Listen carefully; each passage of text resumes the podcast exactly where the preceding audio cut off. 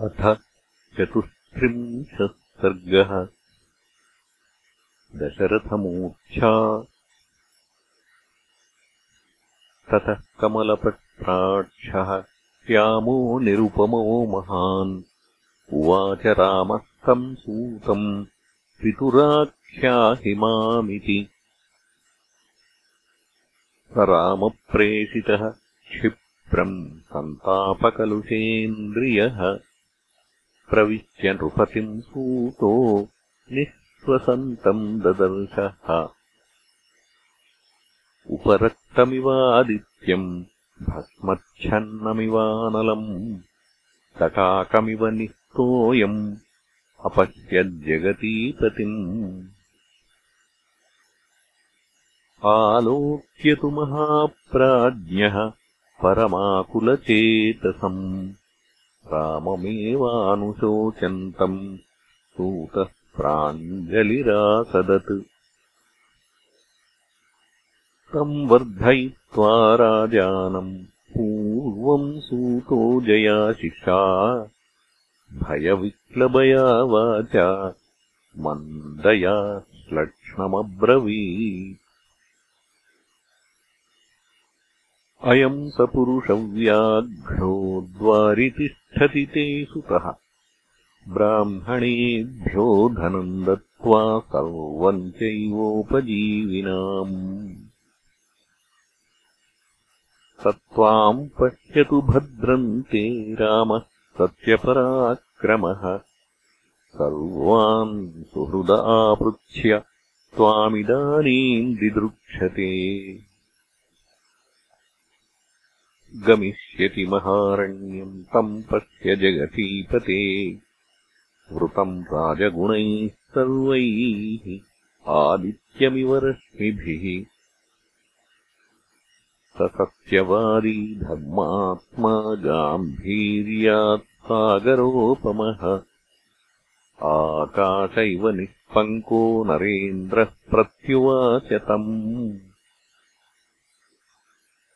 सुमन्त्रानयमे दारान् ये केचिदिह मामकाः दारैः परिवृतः सर्वैः द्रष्टुमिच्छामि धार्मिकम्। सोऽन्तः पुरमतीत्यैव प्रियस्ता वाक्यमब्रवीत्।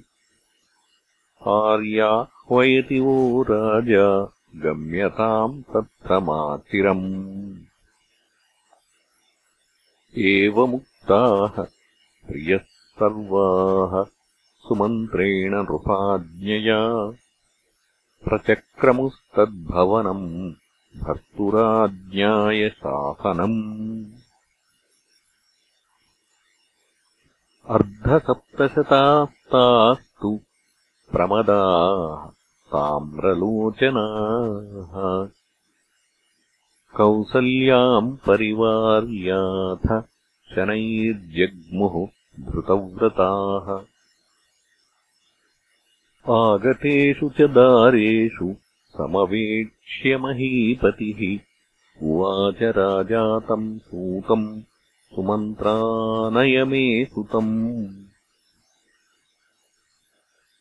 स सूतो राममादाय लक्ष्मणम् मैथिलीम् तदा जगामाभिमुखस्तूर्णम् सकाशम् जगतीपतेः। स राजापुत्रमायान्तम् दृष्ट्वा दूरात् कृताञ्जलिम्। उत्पपातासनात् तूर्णम् आर्तः स्त्रीजनसंवृतः। सोऽभिदुद्राववेगेन रामम् दृष्ट्वा विशाम्पतिः। तमसम्प्राप्य दुःखार्तः पपातभुवि मूर्च्छितः तम् रामोऽभ्यपतत् क्षिप्रम् लक्ष्मणश्च महारथः। विसञ्ज्ञमिव दुःखेन सशोकम् नृपतिम् तदा। स्त्रीसहस्रनिनादश्च सञ्जज्ञे राजवेश्मनि। हा हा रामेति सहसा भूषणध्वनिमूर्च्छितः। सम्परिष्वज्य बाहुभ्याम् तावुभौ रामलक्ष्मणौ। पर्यङ्के सीतया सार्धम् रुदन्तः समवेशयन्।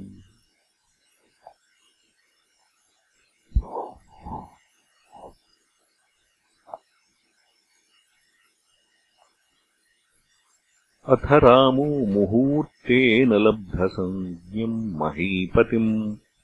उवाच प्राञ्जलिर्भूत्वा शोकार्णवपरिप्लुतम् आपृच्छे त्वाम् महाराज सर्वेषामीश्वरोऽसि नः। प्रस्थितम् दण्डकारण्यम् पश्य त्वम् कुशलेन माम्। लक्ष्मणम् चानुजानीहि सीता चान्वेति माम् वनम् कारणैर्बहुभिः तथ्यैः वार्यमाणौ न चेच्छतः। अनुजानीहि सर्वान्नः शोकमुत्सृज्यमानद। लक्ष्मणम् माम् च सीताम् च प्रजापतिरिव प्रजाः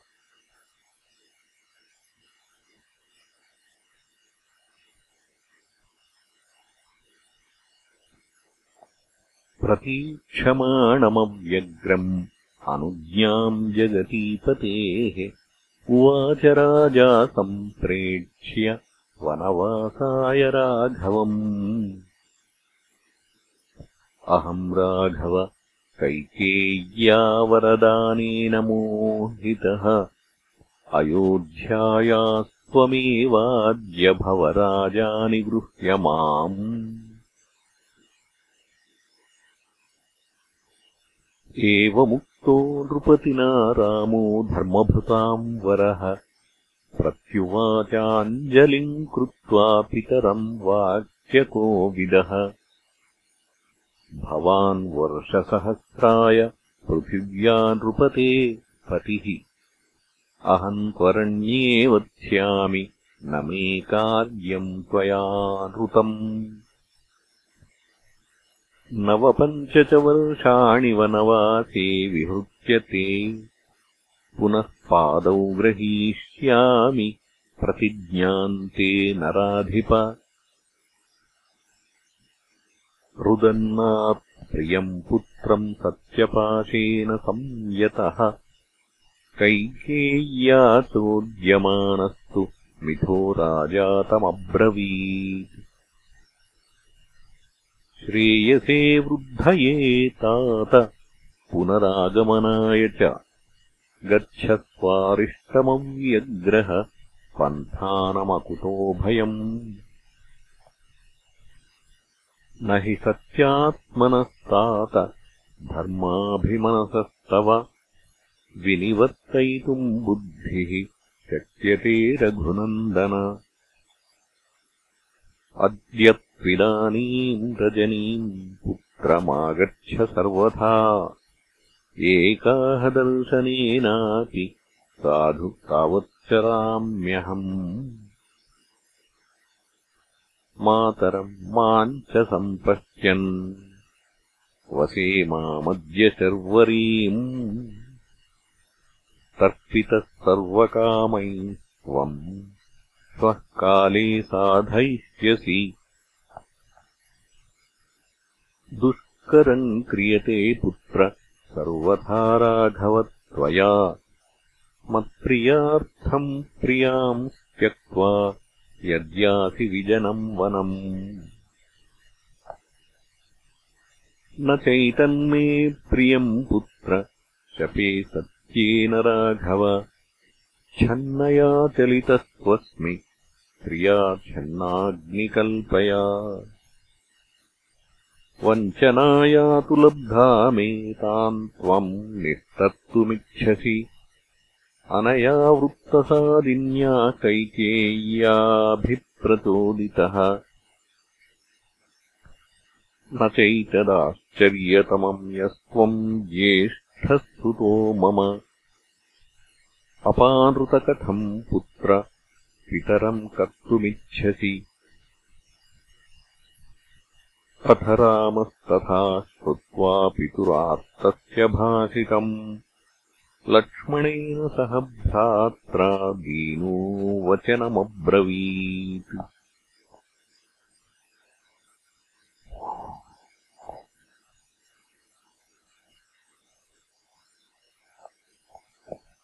प्राप्स्यामि यानद्यगुणान् को मे स्वस्तान् प्रदास्यति अपक्रमणमेवातः सर्वकामैरहम् वृणे।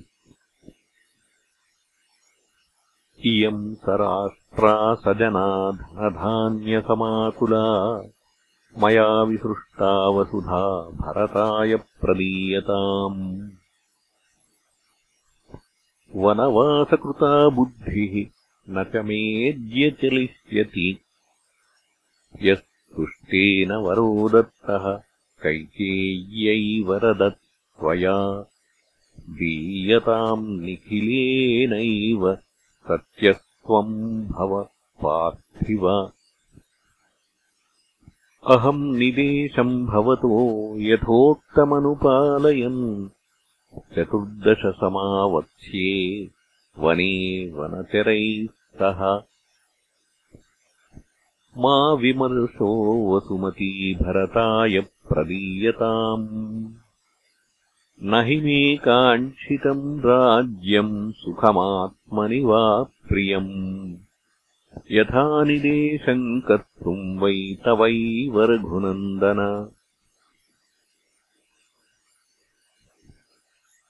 अपगच्छतु ते दुःखम् मा भूर्बाष्परिप्लुतः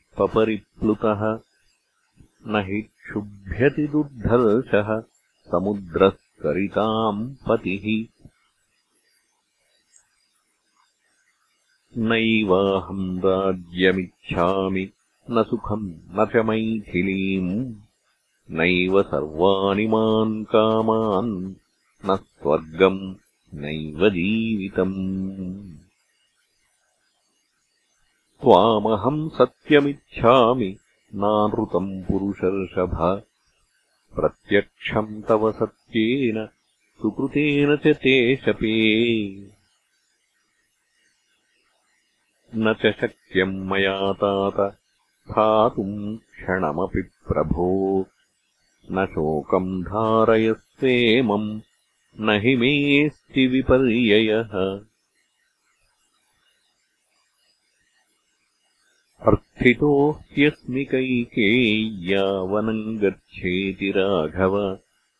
मया तु संव्रजामीति तत्सत्यम् अनुपालये।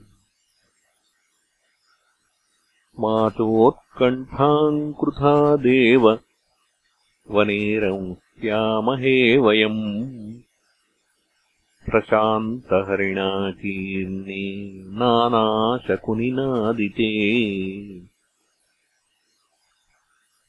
पिता हि दैवतम् तात देवतानामपि स्मृतम्। तस्माद्दैवतमित्येव करिष्यामि पितुर्वचः।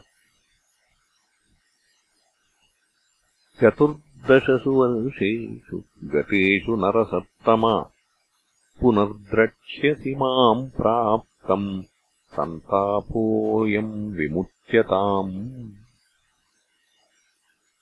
येन संस्तम्भनीयोऽयम् सर्वो बाष्पगलो जनः। स त्वम् पुरुषशार्दूल किमर्थम् विक्रियाम् गतः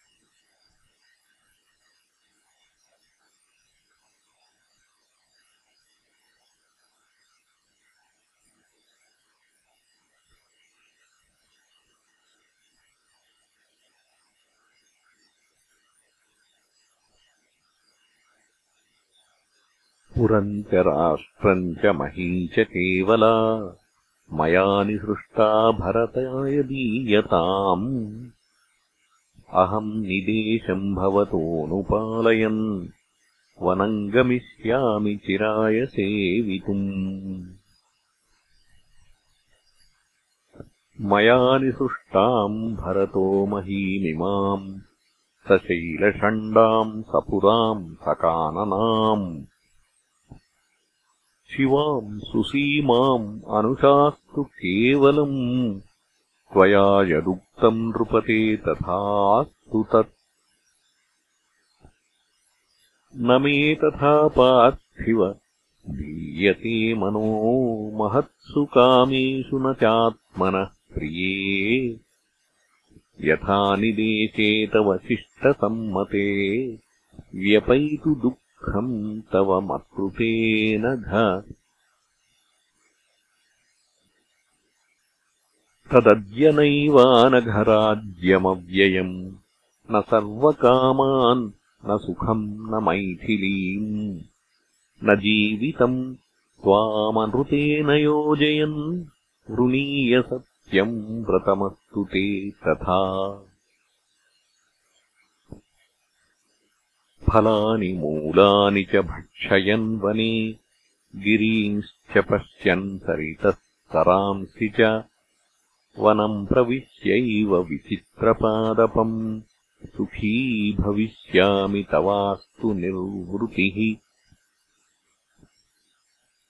एवम् स राजा व्यसनाभिपन्नः। शोकेन दुःखेन च ताम्यमानः आलिङ्ग्यपुत्रम् सुविनष्टसंज्ञो। मोहम् गतो नैव चिचेष्ट किञ्चित् देव्यः ततः संरुरुदुः समेताः ताम् वर्जयित्वा नरदेवपत्नीम्। रुदन् सुमन्त्रोऽपि जगाममूर्च्छाम् हाहाकृतम् तत्र बभूव सर्वम्। इत्यार्षे श्रीमद् रामायणे वाल्मीकीये आदिकाव्ये अयोध्याकाण्डे चतुस्त्रिंशः सर्गः